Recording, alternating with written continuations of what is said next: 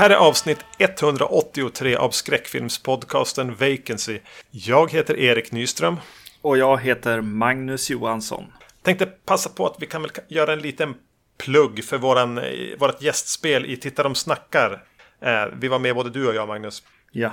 Och riffade ihop en, en, en skräckfilm. Ehm, det är avsnitt 187 där i alla fall. En, någonting som jag tyckte var ganska kul. att workshoppa eller vad man nu säger. Mm. Ja, det var roligt. Vi, vi tillsammans med dem försökte hitta på en ny skräckis. Ganska kraftigt färgad av att mina försvarsmekanismer var, eller är ur spel och har svårt att slå bort tankar. Eh, svarta sådana. Eh, jag måste jobba på det där. Så resultatet blir väl lite mörkare än vad kanske ni var inställda på innan. yes. yes. Eh, men, men det, jag, jag, jag har tänkt ändå på det där efteråt, att det var, det var, det var kul. Eh, särskilt i det där sammanhanget. Eh, där jag fick ha med såna här mer kreativa eh, maskiner som, som ni tre är, som jag ser er. Medan mm. jag bara är liksom en, en, en, idiot som går runt med en massa ångest hela tiden. Eh, och få använda er, er, er förmåga att plocka upp storytrådar och sånt ur det där. Mm. Eh, min terapisession. Eh, ja. Så vi får väl tjata på dem att komma tillbaka och kanske göra en annan genre.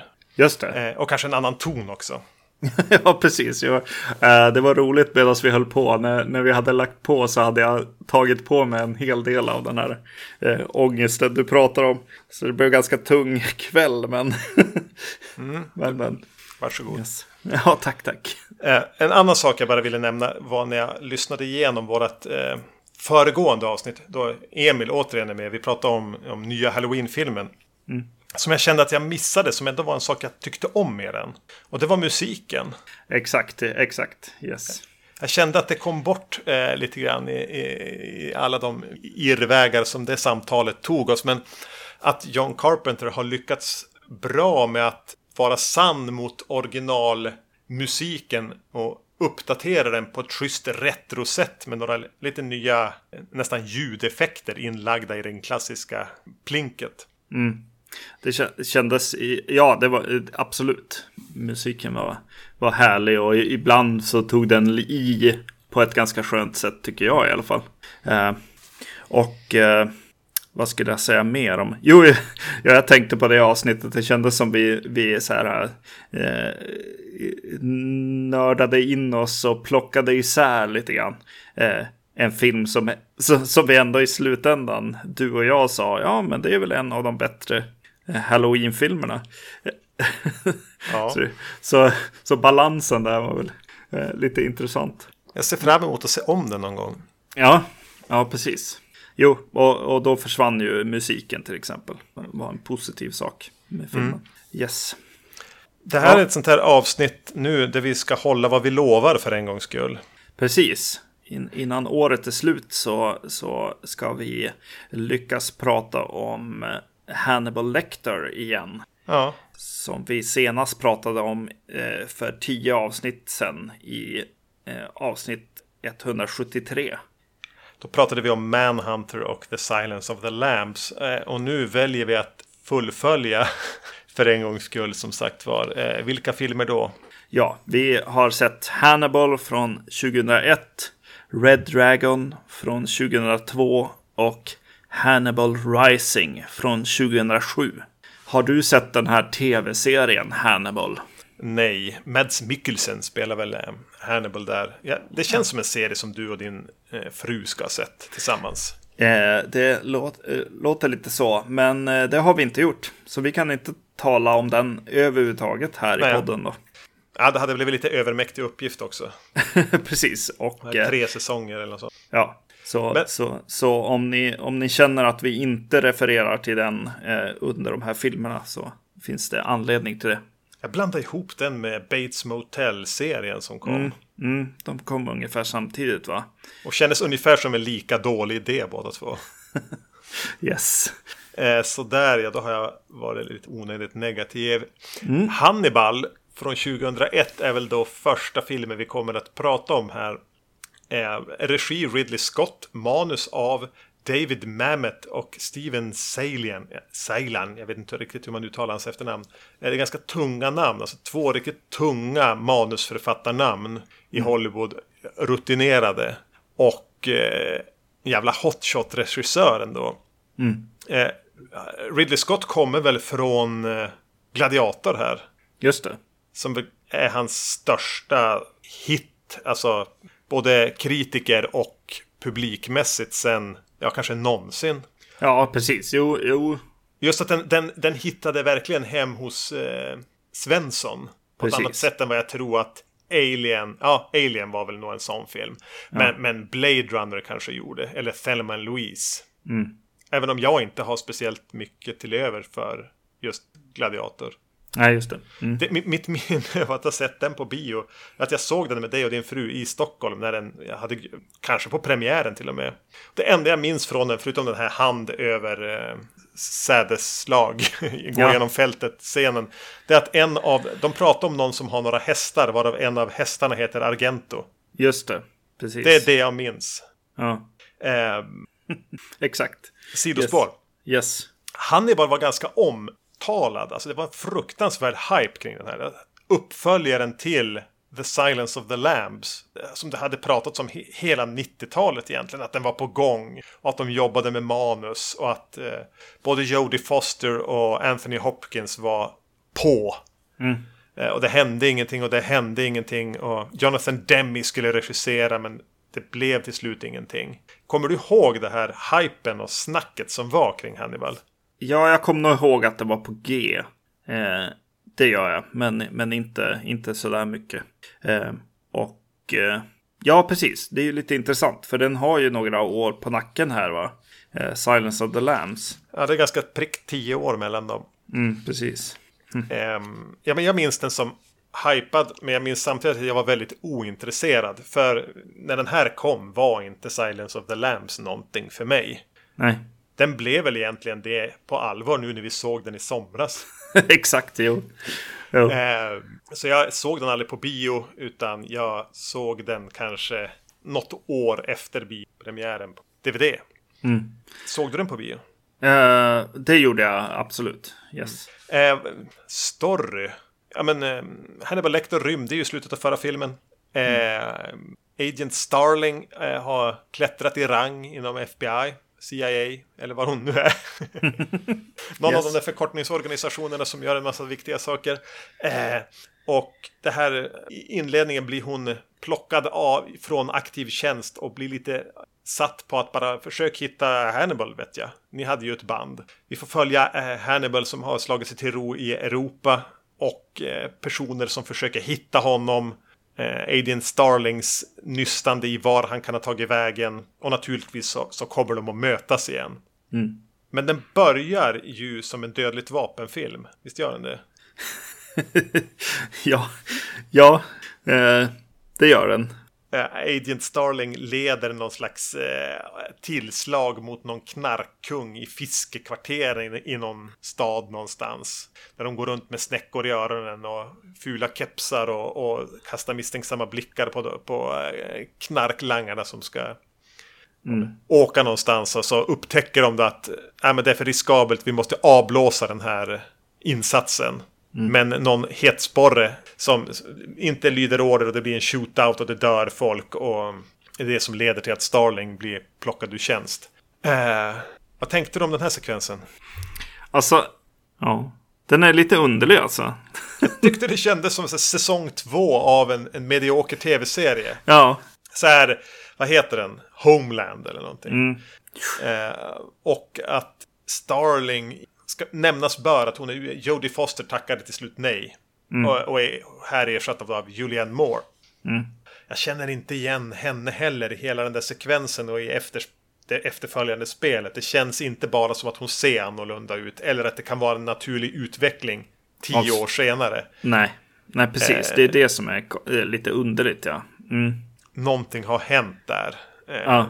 På manusnivå redan.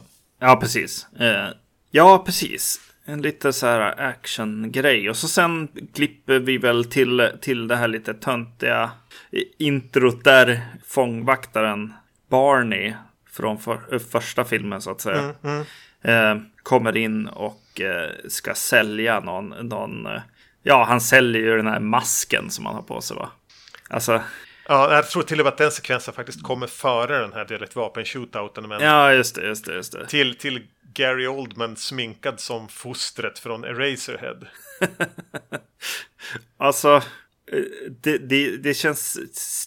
Alltså, det känns så väldigt, väldigt stort på något konstigt sätt liksom. Skräckfilms stort, alltså. Ja, jag vet inte. Det känns lite grann som att Ridley Scott här tittar lite grann åt, åt där, eh, där Anthony Hopkins har gömt sig till, till Italien lite. Det får bli liksom den lite töntiga, överdrivna mm. eh, varianten på filmen på något sätt. På Drömmen han. om en stor film på vis. Mm. Från en, en ja, men man tänker sig någonstans en, en William Lustigs dröm om en storfilms skräckfilm är det här. Mm, just det.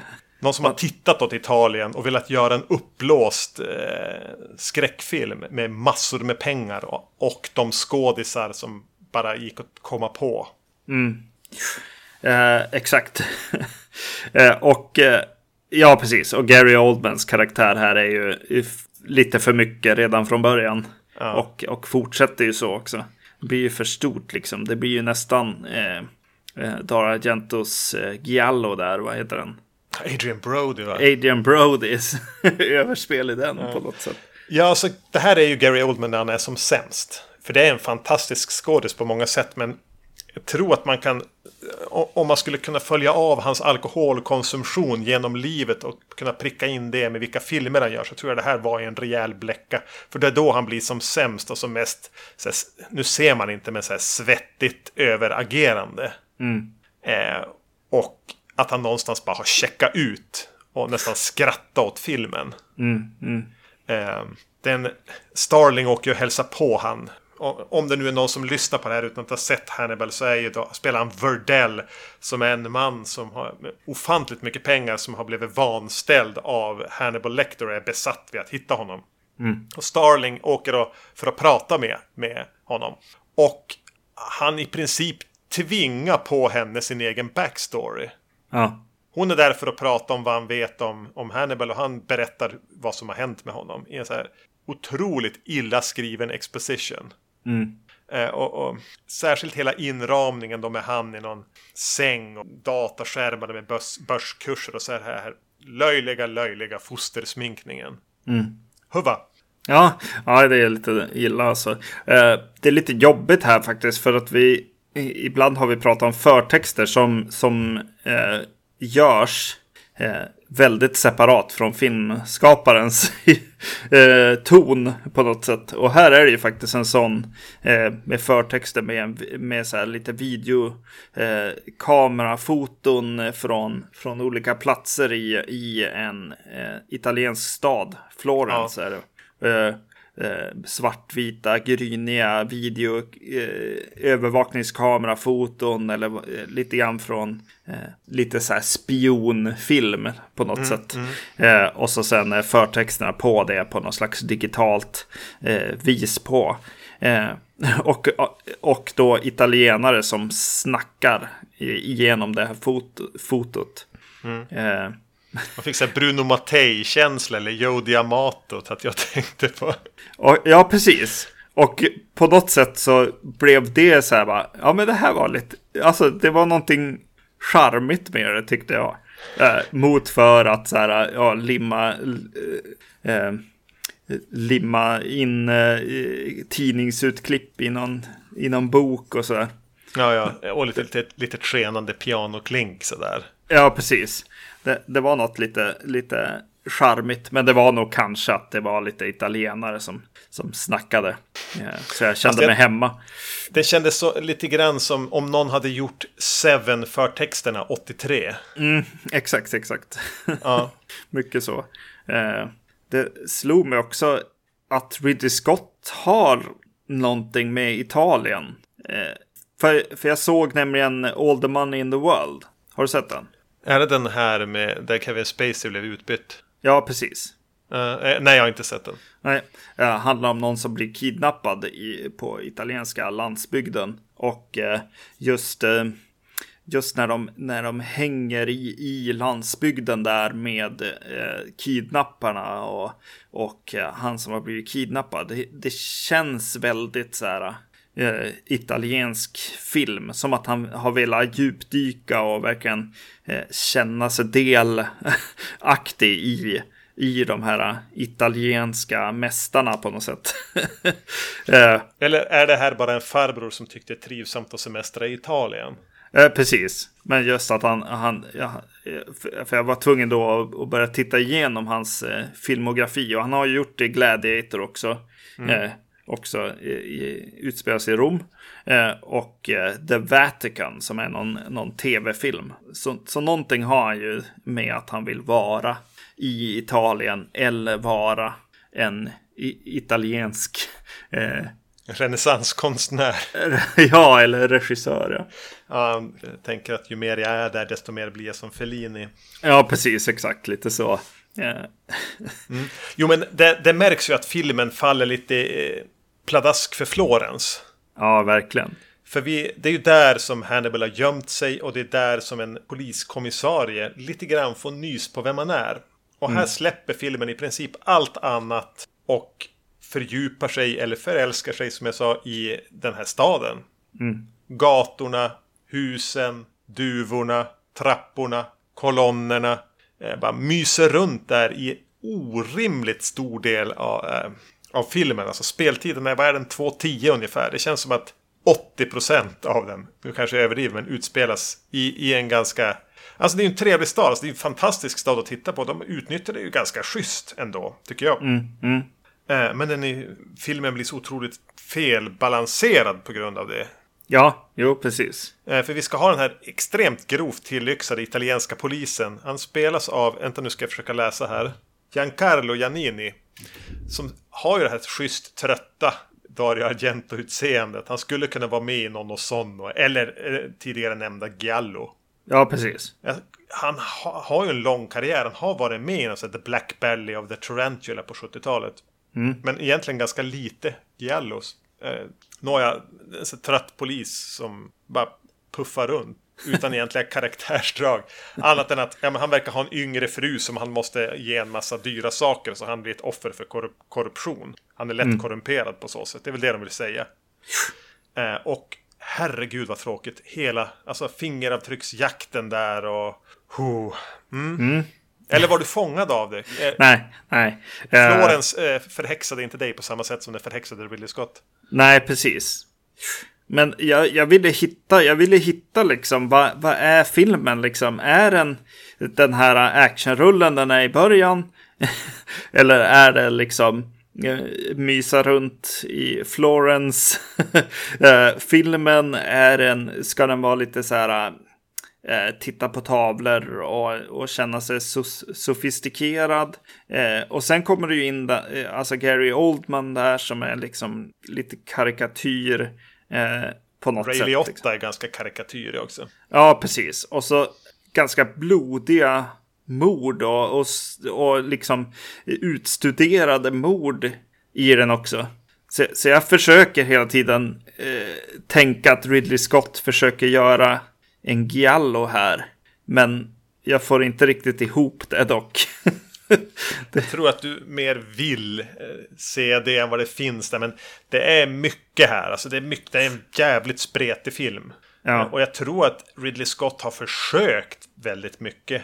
Mm. Alltså den är full av små, ganska snygga regi-toucher. Hur den kan rama in en scen med... Eh, jag tror det är scenen när eh, polisen här förmår en, en tjuv att försöka sno Mm, Hannibal Lecters plånbok som inleds med någon som tvättar händer och avslutas med en annan karaktär som sköljer av händer. Alltså den har mycket så här, små vinkar hit och dit och att saker betyder någonting och att den så här, jobbar med lite foreshadowing i vissa fall. Som mm. den samtidigt i några fall tar alldeles för långt som det här med hängning av en viss karaktär. Ja. Som nästan blir på Simpsons nivå. eh, men, men alltså det finns säkert mycket att hämta. De har tänkt jättemycket när de har suttit och gjort storyboards och sånt här. Mm. Men de har eh, egentligen haft ett, ett hopplöst feldisponerat, eller kanske till och med ofilmbart manus att jobba med. Det är ju då en roman Thomas Harris har skrivit, där de har, måste försöka koka ner 600 sidor till ja, 2-10 film. Mm. Eh, och jag säger inte att jag hade kunnat göra det bättre, men jag gissar att Silence of the Lamps var en ganska omfattande bok också.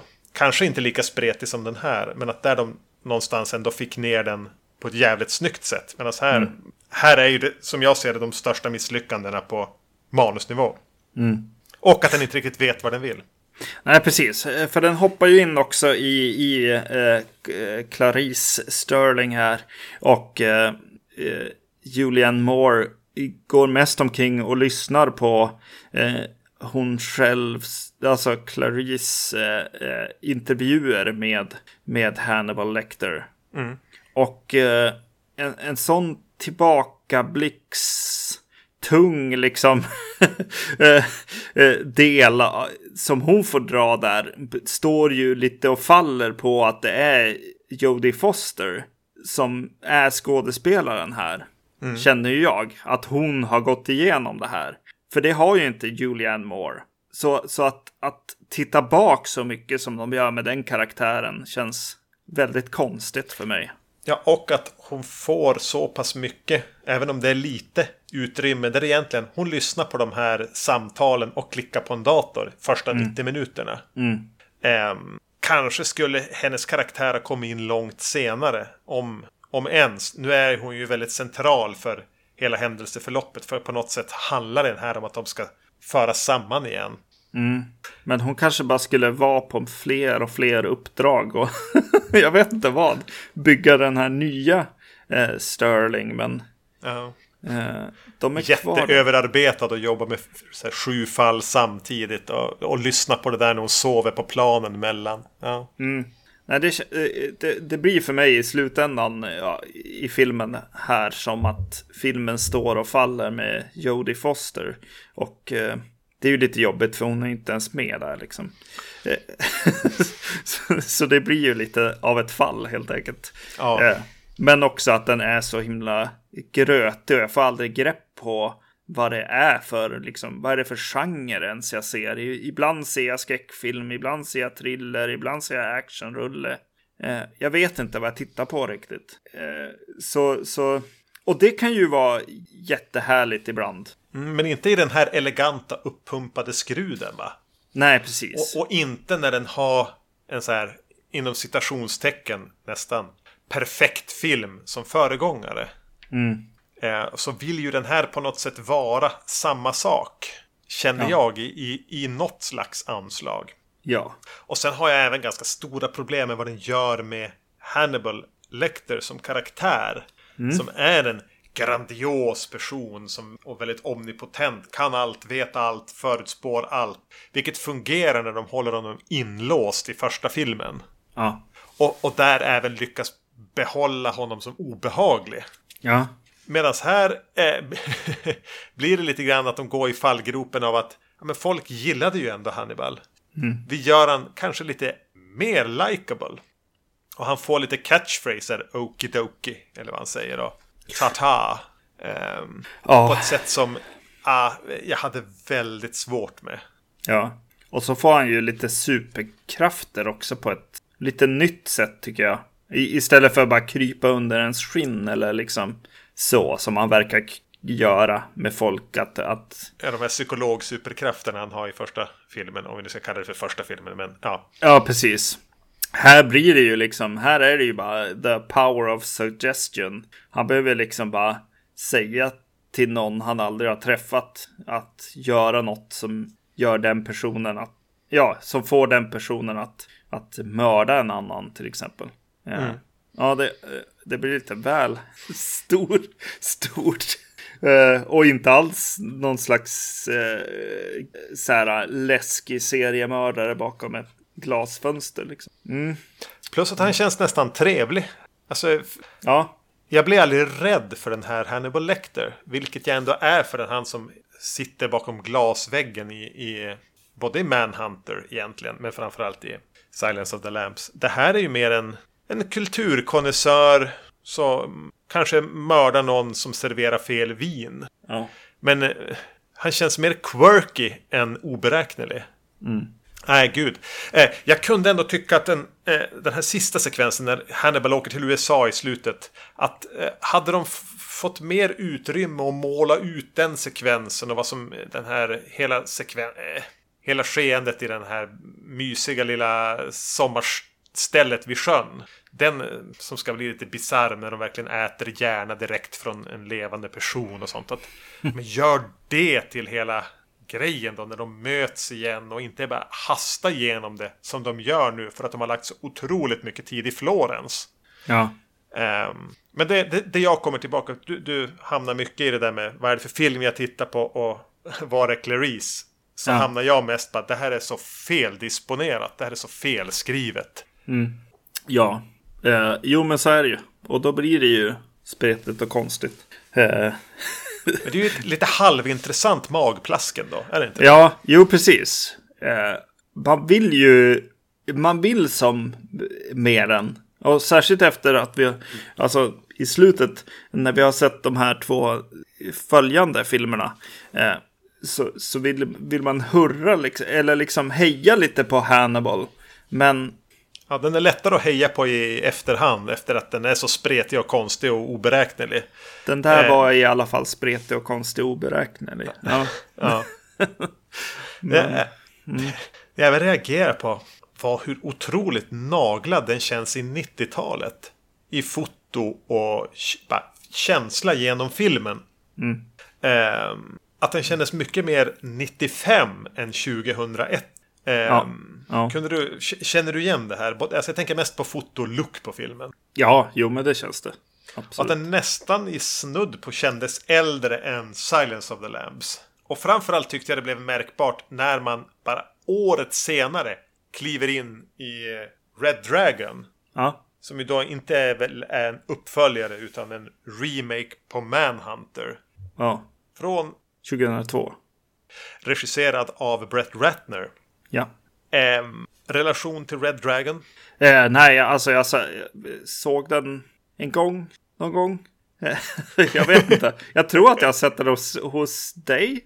Eh, jag vet att jag såg den på bio nämligen. Ja, okej. Så var det Och sen kanske. har jag sett den sen dess också. Mm. Så här, någon har råkat hyra den. Jag kan tänka mig att jag skulle ha sett den typ i källaren hos din eh, frus föräldrar där tidigt ni- 2000. Och Precis. igen.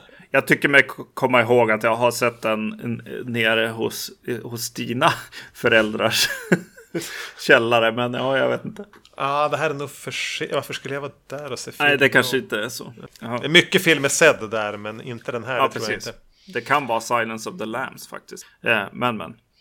Ehm, det jag tyckte var lite lustigt och jag, jag diskuterade det här lite grann med, på Messenger med, med Emil då. Tidigare nämnd i det här avsnittet.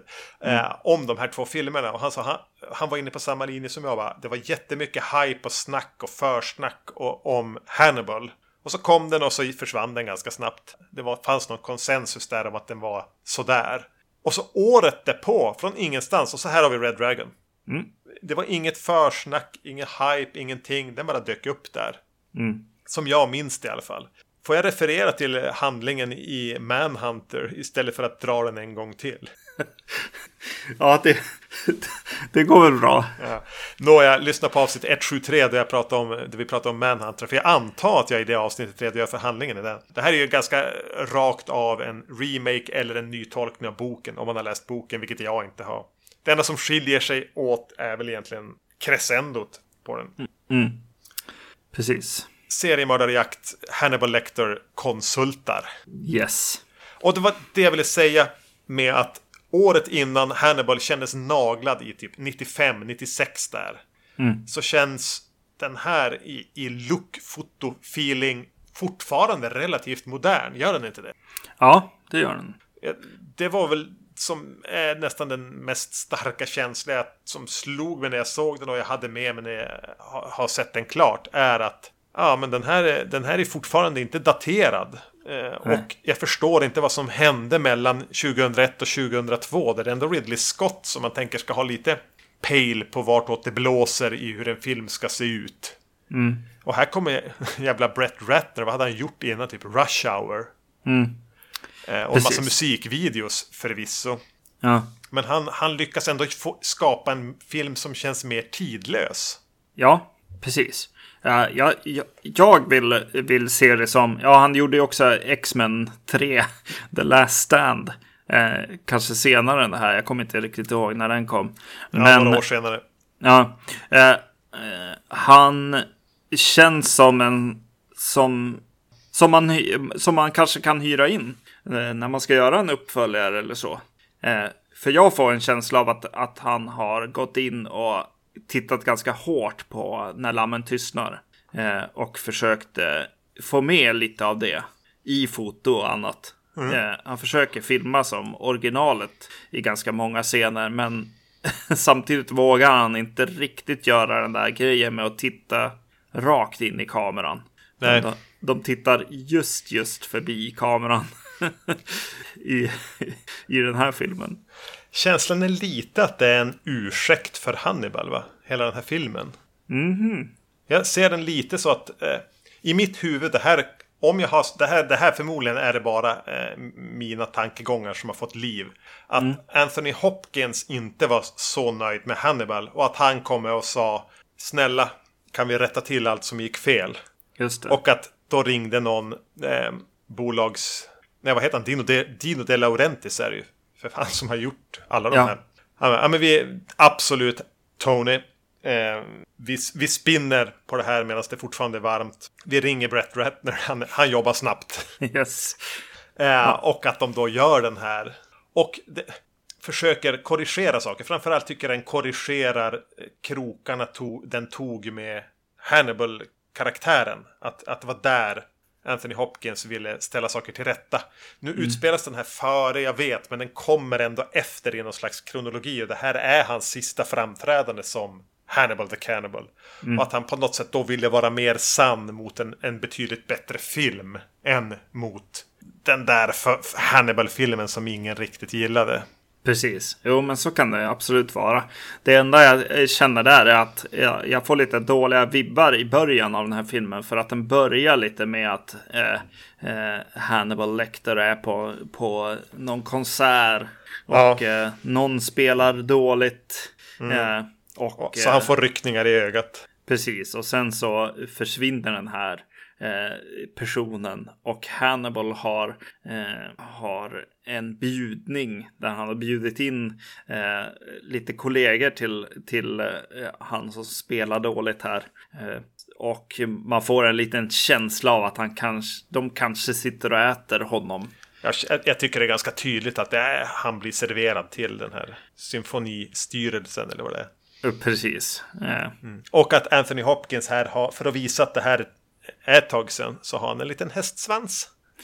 Yes. Ja, jag tycker den, den öppningsgrejen är lite pajig. Eh, jag på samma sätt som Hannibal blir. Men då eh, i nästa ögonblick så ringer det på dörren hemma hos Hannibal. Och så kommer eh, Edward Nortons Will Graham. Eh, karaktären då heter Will Graham. Som vi har sett i Manhunter. Då Kanske. var det William Peterson som fumlade sig igenom ett, en rolltal. Jag, jag, jag kan inte tänka mig annat än att han sitter och skäms lite grann över det där.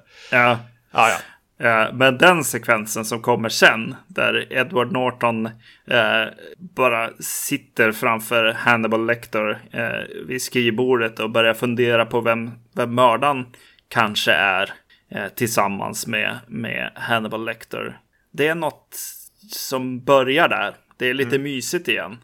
Det, det är lite eh, sitta bakom glaset där och, och prata med Hannibal Lecter. Liksom. Och eh, lite spänd stämning och sådär. Och ett ganska fin avslutning på den scenen kan jag tycka också. Eh, hur de börjar brottas där. När han sätter dit honom. Eh, så ja, den, den, den vänder. Mm, du är lite med filmen här. nu, nu blev jag lite mer, mer än jag. Ja, jag, redan där vet jag att jag tänkte bara, ja men jag gillar texturen, alltså den är snyggt kornig också. Nu är jag Mm. inte nere på så här fotodetaljnivå, men eh, åtminstone när jag hyrde den på iTunes. Eh, rätt bra uttransfer när man får tag i den, men den har en härlig kornighet, foton och det är texturer och snygg ljussättning och allting. Så jag, bara, ja, men jag, jag gillar verkligen hur den ser ut. Eh, vem har fotat den? Ja, det vet inte jag. Ja, Dante Spinotti, som ju är Michael Manns go-to-guy när det gäller fota filmer. Ja, det, det... Yes. Ja, Vi kommer är till lite, det är en liten sån här Fuck you Michael Mann grej det här. Jag tar din fotograf och så ska jag göra en bättre version av din jävla film. Just det. Eh, det är någonting lite kul i det. Mm. Ehm, mm. Sen blir det ju... Sen börjar remaken. Ja, Eh, på något sätt. De, de sitter vid stranden.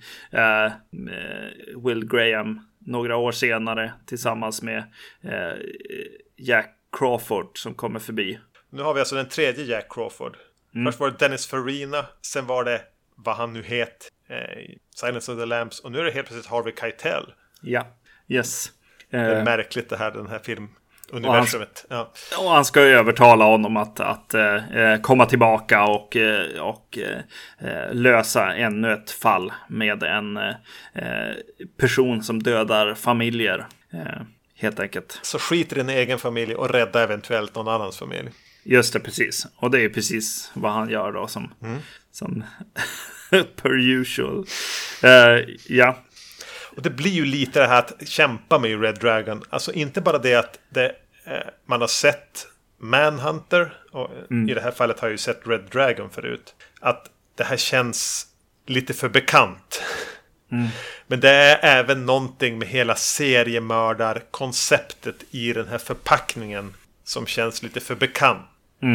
De kunde ha låtit Morgan Freeman dyka upp. Alltså det är på den nivån. Det är checka av väldigt mycket självklarheter. Det, ja. Eh, precis, exakt. Det är ju precis på, han jobbar ju precis som, som alla de där eh, profilerserna eller vad man ska göra på film liksom. Eh, detektiverna. Eh, han går till brottsplatsen och går omkring i mörkret och eh, funderar på hur mördaren tänker och sådär. Eh, tänker högt också, vilket han gjorde i Michael Manns film också. Så Fungerar väl lite bättre här va? jag tänker att han gör det i boken också. att det inte är han gick och tänkte, utan han går faktiskt och pratar högt för sig själv. Eh, Det är lite konstigt alltså. Och ibland så säger han ju, alltså det är ju här han säger eh, repliker bara rakt upp och ner. Precis som i, i Manhunter känns det som. You bastard och alltså att han pratar till han på det där konst, lite konstgjorda sättet. Alltså Norton säljer det bättre än Bob Peterson. Eller om det är det att Brett Ratner säljer det bättre än Michael Mann. Men här blev det inte cringeigt för mig. Ja, Okej, just det. Ja, eh, det. Det är här jag tycker att fotot är intressant. eh, För det är ju väldigt Michael Mann när han är i brottsplatsen och det här blå ljuset för nattljuset som är i, i huset. Alltså det är ju inte mörkt någonstans egentligen. Allt är bara väldigt, väldigt blått. Så här Disney-natt på något sätt där inne. Eh, mycket fint foto faktiskt ibland. Eh, särskilt i närbilder på, på eh, Edward Norton där. Eh, mm, Alltså genomgående. Eh, Jävligt schysst fotad den här. Och sen är det ju smart eh, att komma tillbaks till, till fängelset. Till glasburen där.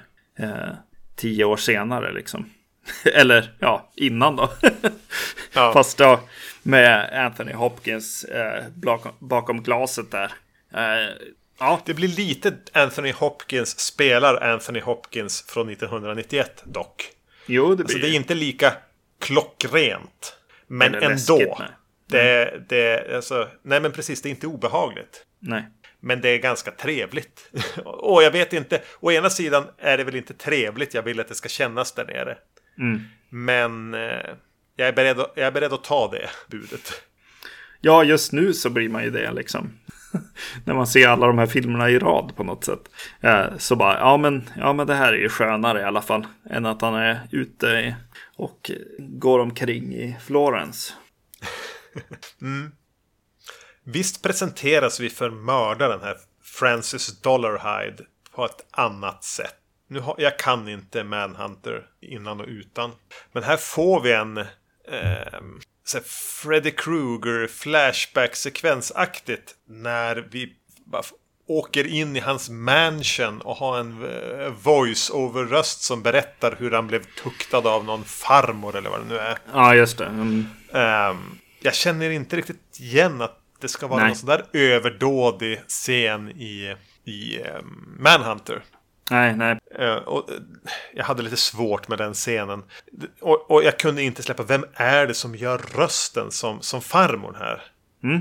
Eh, finns inte med i någon credit på IMDB så jag var tvungen att googla. Jag är tydligen inte den enda som har gjort det. Det var, var väldigt lätt att hitta massor med sökningar på det här. Men det är Ellen Burstyn, alltså mamman i Exorcisten, som, som gör rösten. Jag, jag kände igen den, men det var nog, jag kan inte säga ja, ja, ja, ja, ja, när, när det, det visade sig vara hon. Jag tänkte inte på det i och för sig. Nej. Det känns som att man vill prata om eh, Ra eh, Rafe Fiennes här. Mm. Eh, som Francis Dollarhide. Eh, kontra egentligen Tom Noonans eh, karaktär här. För här kan jag tycka är, är det en ganska stor skillnad. Om du, om du tänker att Manhunter är en ganska... Eh, du, du verkar inte vara så himla kär i den filmen direkt. Eh, Nej, det är jag verkligen inte. Men eh, kan du inte kanske hålla med mig då om att Tom Noonan är en betydligt mer intressant eh, Dollarhide. Ja, definitivt.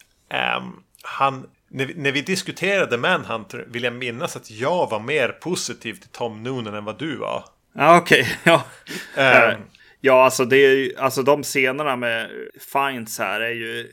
Alltså det händer, ing, det händer inte. Det, det blir inte det är spännande eller liksom eh, obehagligt som uh, det blir med Tom Noonan. För Tom Noonan känns inte som en skådis riktigt. Han känns mer som en kuf. Mm. Med ett speciellt utseende och en, sjukt lång är han ju också. Så han tonar ju upp sig på ett sätt. Och så det här väteperoxidblonderade håret. Mm. Här får man ju mer en Shakespeare-skådis med en liten eh, lätt deformering av överläppen. Som i ganska stor utsträckning är intresserad av att hämta hem en lönecheck.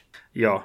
Eh, och det är ju ganska synd när, när liksom hel, hela filmens skurk liksom är ganska tråkig att titta på. Eller det, blir ingen spänning riktigt. Eh, och det gör ju att scenerna med, med Emily Watson, alltså den här kärleksaffären som blommar upp, blir eh, eh väldigt, väldigt tomgångskörning. Jo, men det blir ju så lite grann. Och, och andra scener liksom där, där folk eh, försöker eller, eller kanske till viss del överspelar som eh, Philip Seymour Hoffman möter Ray Fiennes här i någon scen. Och, och, eh, och försöker så mycket han kan liksom. eh, medans... väck, väck den här jävla britten. Exakt. Eh, så det blir ju en konstig kontrast där liksom. Mellan, liksom, ja, ja men jag, jag förstår att du ska vara rädd. Men varför är du rädd? Eh, lite grann. Mm. Eh, får man en känsla av. Eh, vilket är ju synd. Ja, jo. Jag, jag, är definitivt mer pepp på Noonan än på Fines. Just det. Eh, och jag tror till och med, och det här är ju verkligen en jävla motsägelse. Mm. Framförallt för att komma från mig som eh, jobbar ganska hårt med tesen att Michael Mann inte förstår känslor. Ja. Han har aldrig känt kärlek. Han har läst om det. Mm. Eh, det är att kärlekshistorien mellan Dollarhide och den här blinda kvinnan fungerar fan i mig bättre i Manhunter än här. Och här har ju A-list skådisar att jobba med. Ja. Ratner har ju, ja men Ray Fiennes som sagt var, och Emily Watson. Mm. Hur fan kan du misslyckas? Precis, men det eh, stora, stora misstaget där är väl just att Ray Fiennes får eh, måste börja prata med någon osynlig kraft liksom och, och debattera med, med någon, någon, om det är farmor eller om det är den här röda draken. Eh. Frank Langella, du vet han som har spelat Dracula bland annat. Mm han spelade ju in rösten som den röda draken. Och att det var tanken att de skulle ha lite back and forth, så här, käfta på. Aha. Men de tyckte att Fines sålde det här så bra att de kunde trimma det lite grann och klippa bort eh, Langellas bidrag. Oj, oj, oj. Skeletor är han också ja. Mm. Nu blev jag ju väldigt sugen på att höra det. The Langella Cut, jo. Eh, för att eh, det, det, blir ganska töntigt, eh, tycker jag. Eh, eh, och, och yttrar sig då i, i överspel, känns det ju som då, istället. Men om han hade någon att reagera mot, ja, jo, det kanske kunde ha funkat bättre då, på ett sätt. Eh, mm, nej, jag vet inte. Det jag minns eh, från vårt samtal om Manhunter var att jag störde mig mycket på, jag tror att jag säger rätt nu när jag säger Steven Lang som spelar den här jävla jobbiga reportern. Ja. Och här är han utbytt mot Philip Seymour Hoffman. Mm. Automatisk upgrade känns det ju som. Ja. Eller vad tycker du om, om Lounds heter han va? Jo. Ja. Eh, jag tycker han är ju bra, men alltså jag...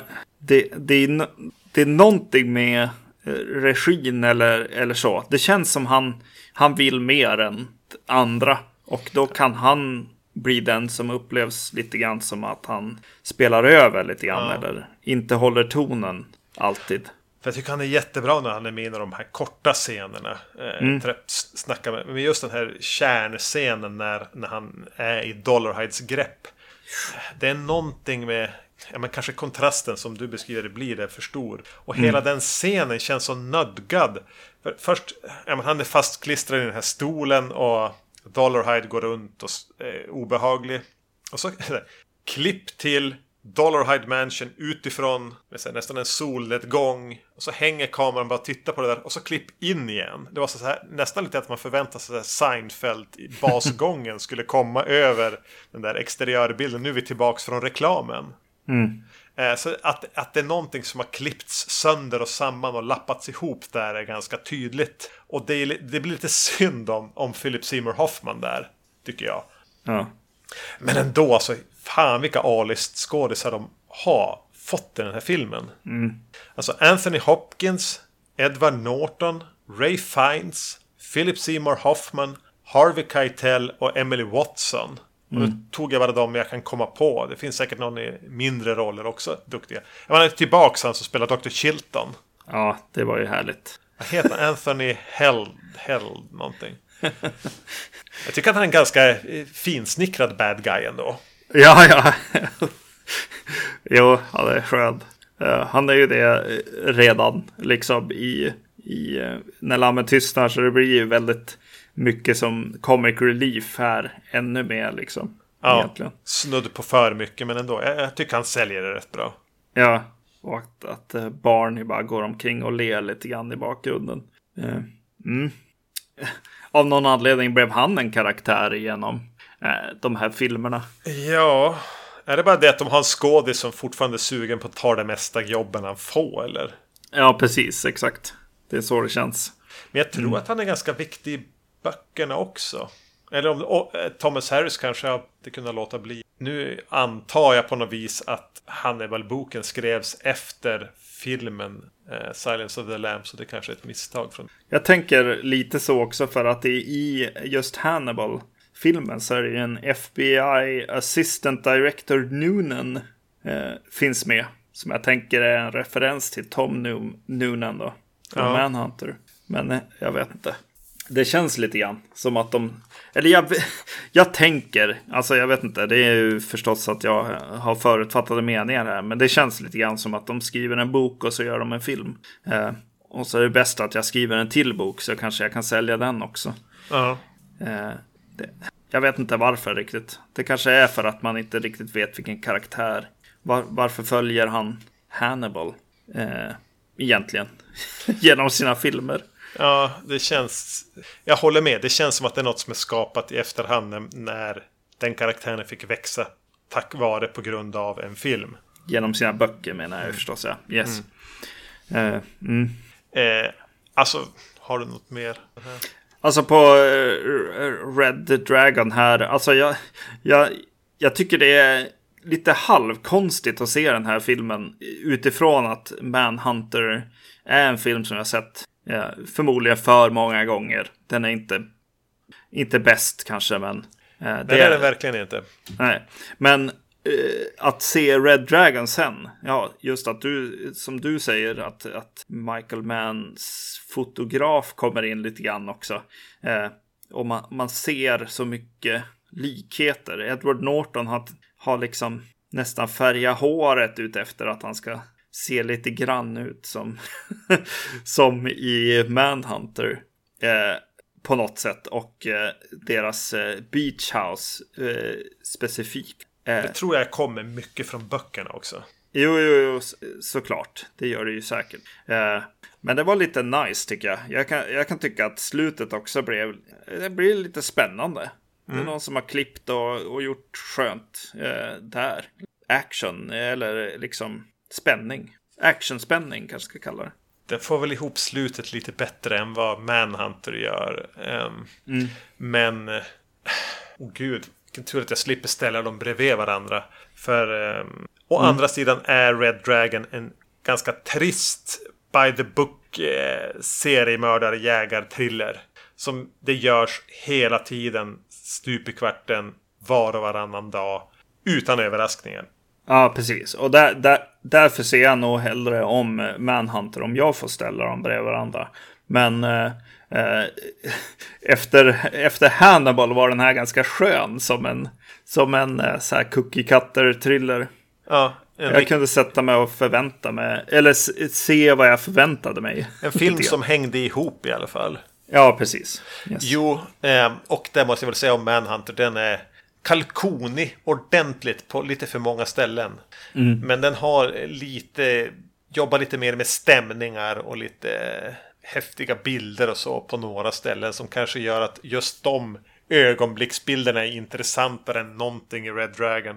Men samtidigt är ingenting i Red Dragon så otroligt djupt ner i någon slags pinsamhetsavgrund som vissa scener i Manhunter. Typ varje gång William Peterson ska säga någonting.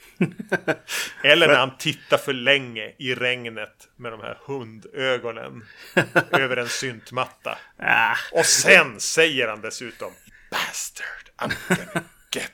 Ja, hubbaligen. Fy fan, alltså den är ju... Ja.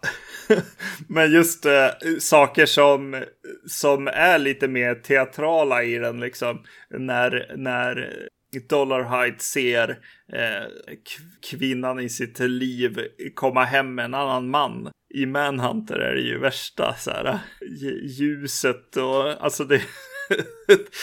det är så, så skönt inblick i hans mentala hälsa. Eh, Medan här är det bara eh, eh, det som händer är det vi ser. Men egentligen är Red Dragon en ganska trist historia. Eh, ja. Ja, alltså hade, hade mördaren porträtterats lite mer spännande hade det ju kunnat bli häftigt. Men ja, nej. Men då går vi vidare till filmen som åtminstone inte jag hade sett tidigare. Ja, okej. Okay. Ja, den här har jag sett eh, någon gång. Ja, återigen kändes det som en film som du har sett med din fru. Ja, alltså när de, när de kommer de här så ser jag väl alla, alla dem, tänker jag. Även Hannibal Rising? Alla? Nej, kanske inte. Gick den här på bio? Jaha, Har ja, du sett den här jag. på bio? Nej, det vet jag inte. Känns lite som en Netflix-produktion från 2007, vilket inte riktigt känns sannolikt. Men alltså det är lite den auran den har. Ska vi hyra den? Det var nog det. Ja. Yes. Det här är då en eh, prequel som vi ju alla hade suktat efter, efter Red Dragon. Vi måste ju få veta mm. mer om Hannibal Lecter och hur han kom, kom att bli den han blev. Mm. Börjar i Baltikum väljer jag, för jag blandar alltid ihop Estland, Lettland och Litauen. Litauen är det. Litauen, tack. Där eh, en ung Hannibal eh, dels får se sina föräldrar eh, stupa i kriget och sen även få se hans syster bli dödad och uppäten av eh, desperata soldater. Mm. Han eh, växer upp till en ung man och kommer att utkräva sin hämnd. Regi Peter Webber och då säger du ja, ja, ja, äntligen får vi se någonting från mannen bakom The Girl with the Pearl Earhang. Ja, eh, precis, exakt. Nej, är någon, det är brittisk här, halvduktig ja. eh, Han har inte gjort så mycket egentligen. Nej. Nej.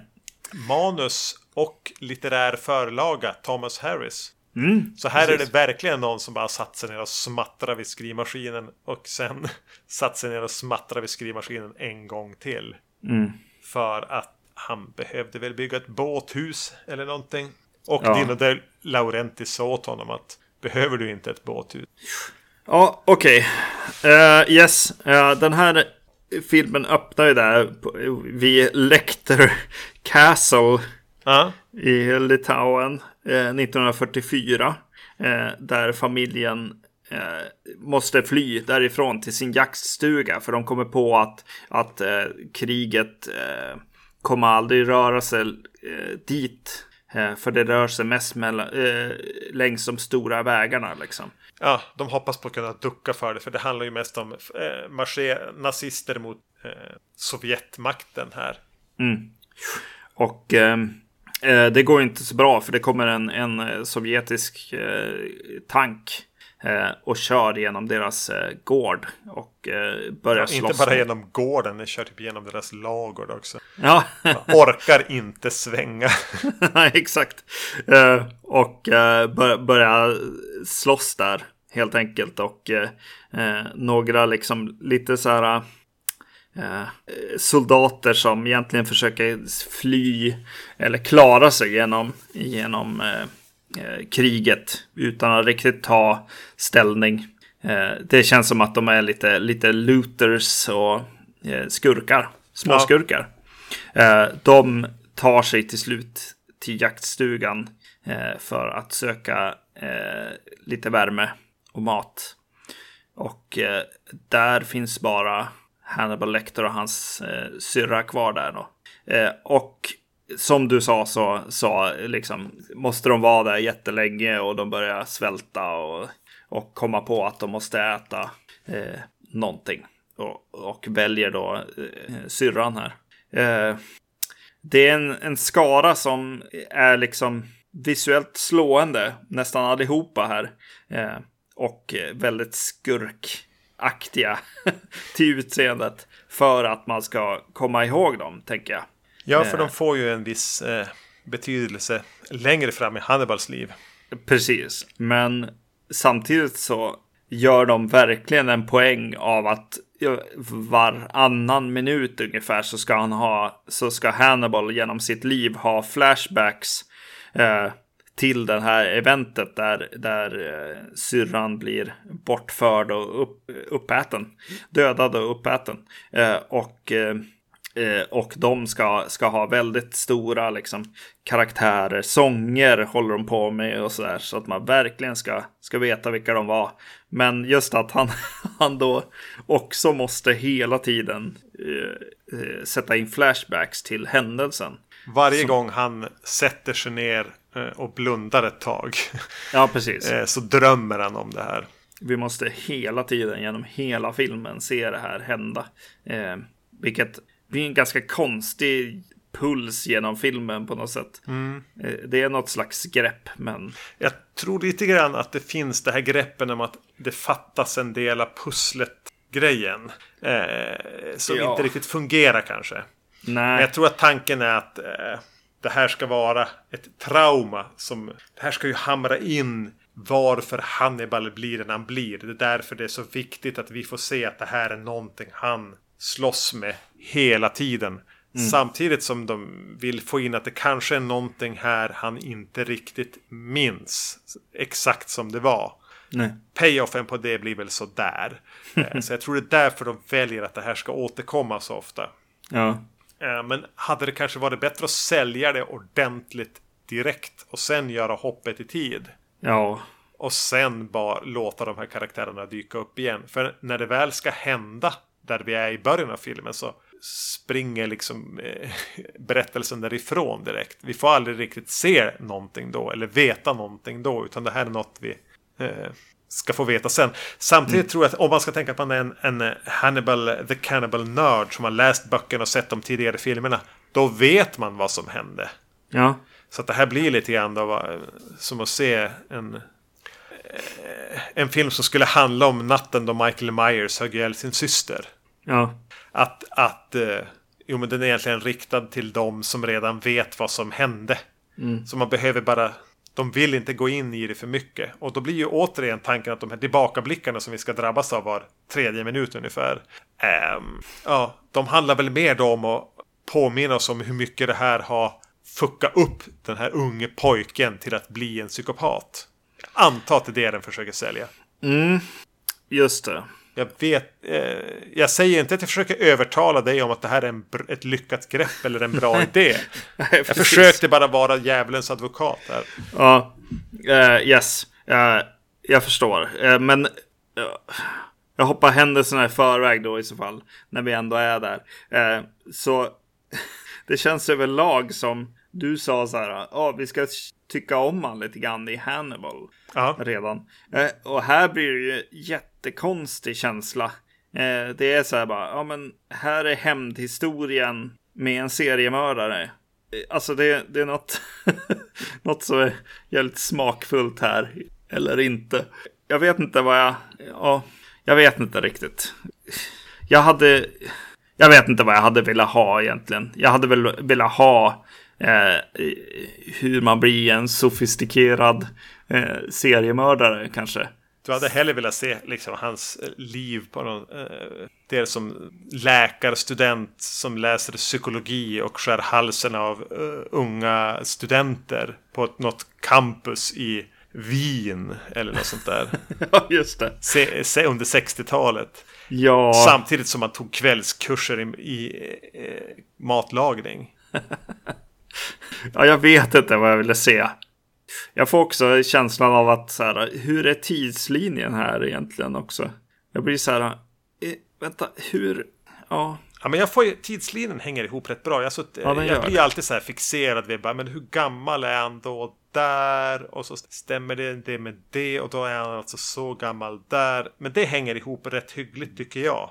Okej. Okay. Ja. Att han är typ född 1933. Mm. Ungefär. Där ja, ja, ja, det är sant. Ja. Och så är han ung i mitten av 50-talet. Eh, alltså riktigt ung. Alltså det är då egentligen filmen utspelas. Och så rör han sig vidare till USA under kanske och etablerar sig där på 60-talet. Mm. Så i början av 80-talet när man tänker att han kommer i kontakt med Will Graham då. Mm. I den här hästsvans tillbakablicken vi får se i början av Red Dragon. Att vi är där då. Skulle göra att han är i börjar dra mot 50 där. Och det stämmer ju rätt okej. Okay. Ja, yes. Det funkar väl då. Ja. ja. Men alltså sett som en del i de här andra fyra, tre, fyra filmerna, hur man nu vill se det. Mm. Så är ju Hannibal Rising provocerande onödig. Ja. Även om jag egentligen inte bryr mig, för jag bryr mig inte så mycket om det här filmuniversumet. Nej. Hannibal Cinematic Universe. Nej. Eh, men det här är ju verkligen det ingen vill veta. Det här är ju hela första timmen av Rob Zombies Halloween Remake. Mm. Hur blev Hans Solo Hans Solo? Ett annat exempel. Mm. yes. Ja, ja, ja, fy fan. Uh, nej, alltså jag vet inte. Uh, vad, uh, du du pratar, har pratat om, om foto, visuellt liksom. Eh, berättande här. Eh, är det någonting som du känner? Eh, hur, vilken tid kommer den här filmen ifrån? Ja, men den här kommer från så här, påkostad BBC från 2007. ja. Alltså Netflix-looken. Mm.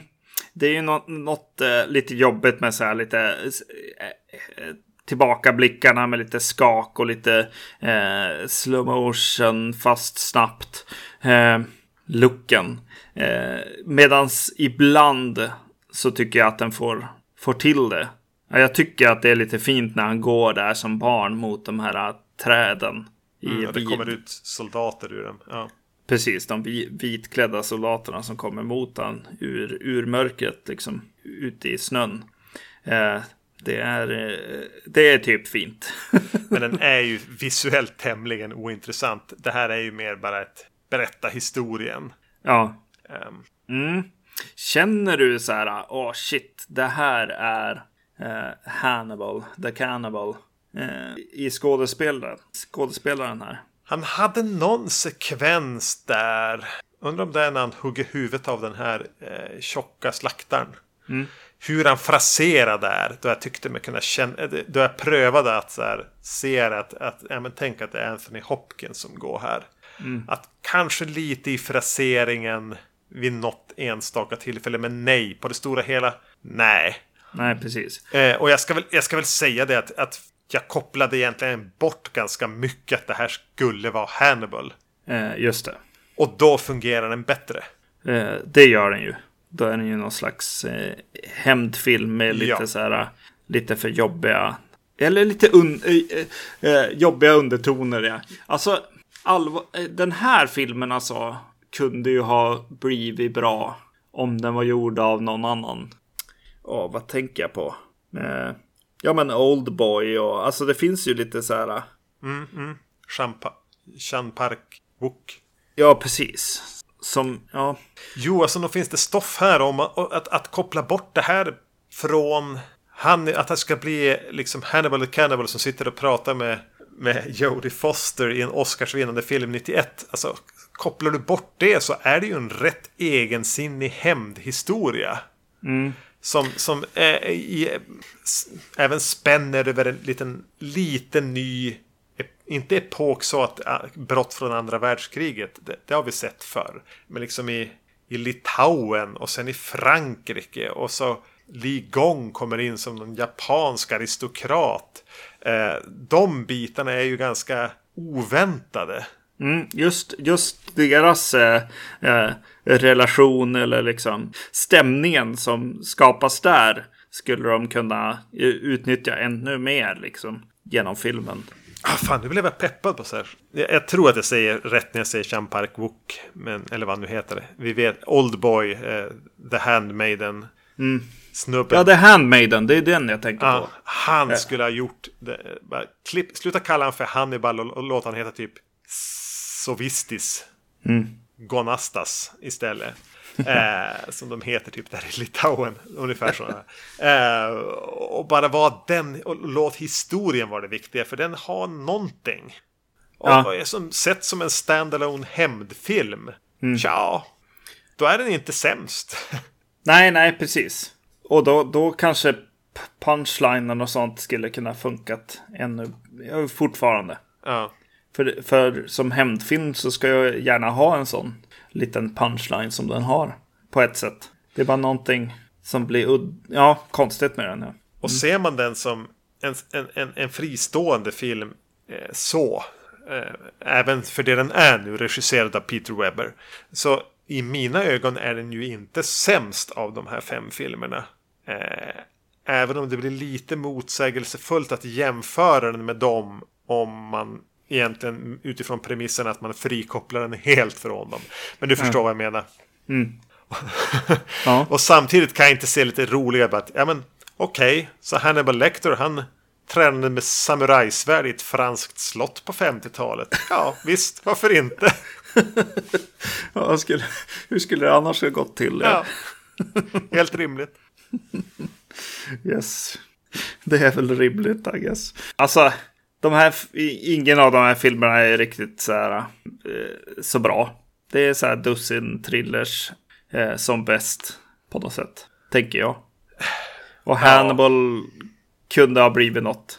Eh, men det blev ju inte det. Jag tänker att den kanske fungerar som bok, men jag kommer aldrig i mitt liv att läsa den. Det finns nej, många, nej. för många böcker före på, på, på priolistan där. Nej, precis. Så, så just den här gången blev jag kanske lite mer main, mainstream tänker jag. Och, och tyckte att de andra två var mycket mer eh, lätt, eh, lättsedda, kan man säga så? Som lättdrucken öl eller något. Ja, Millers, ja.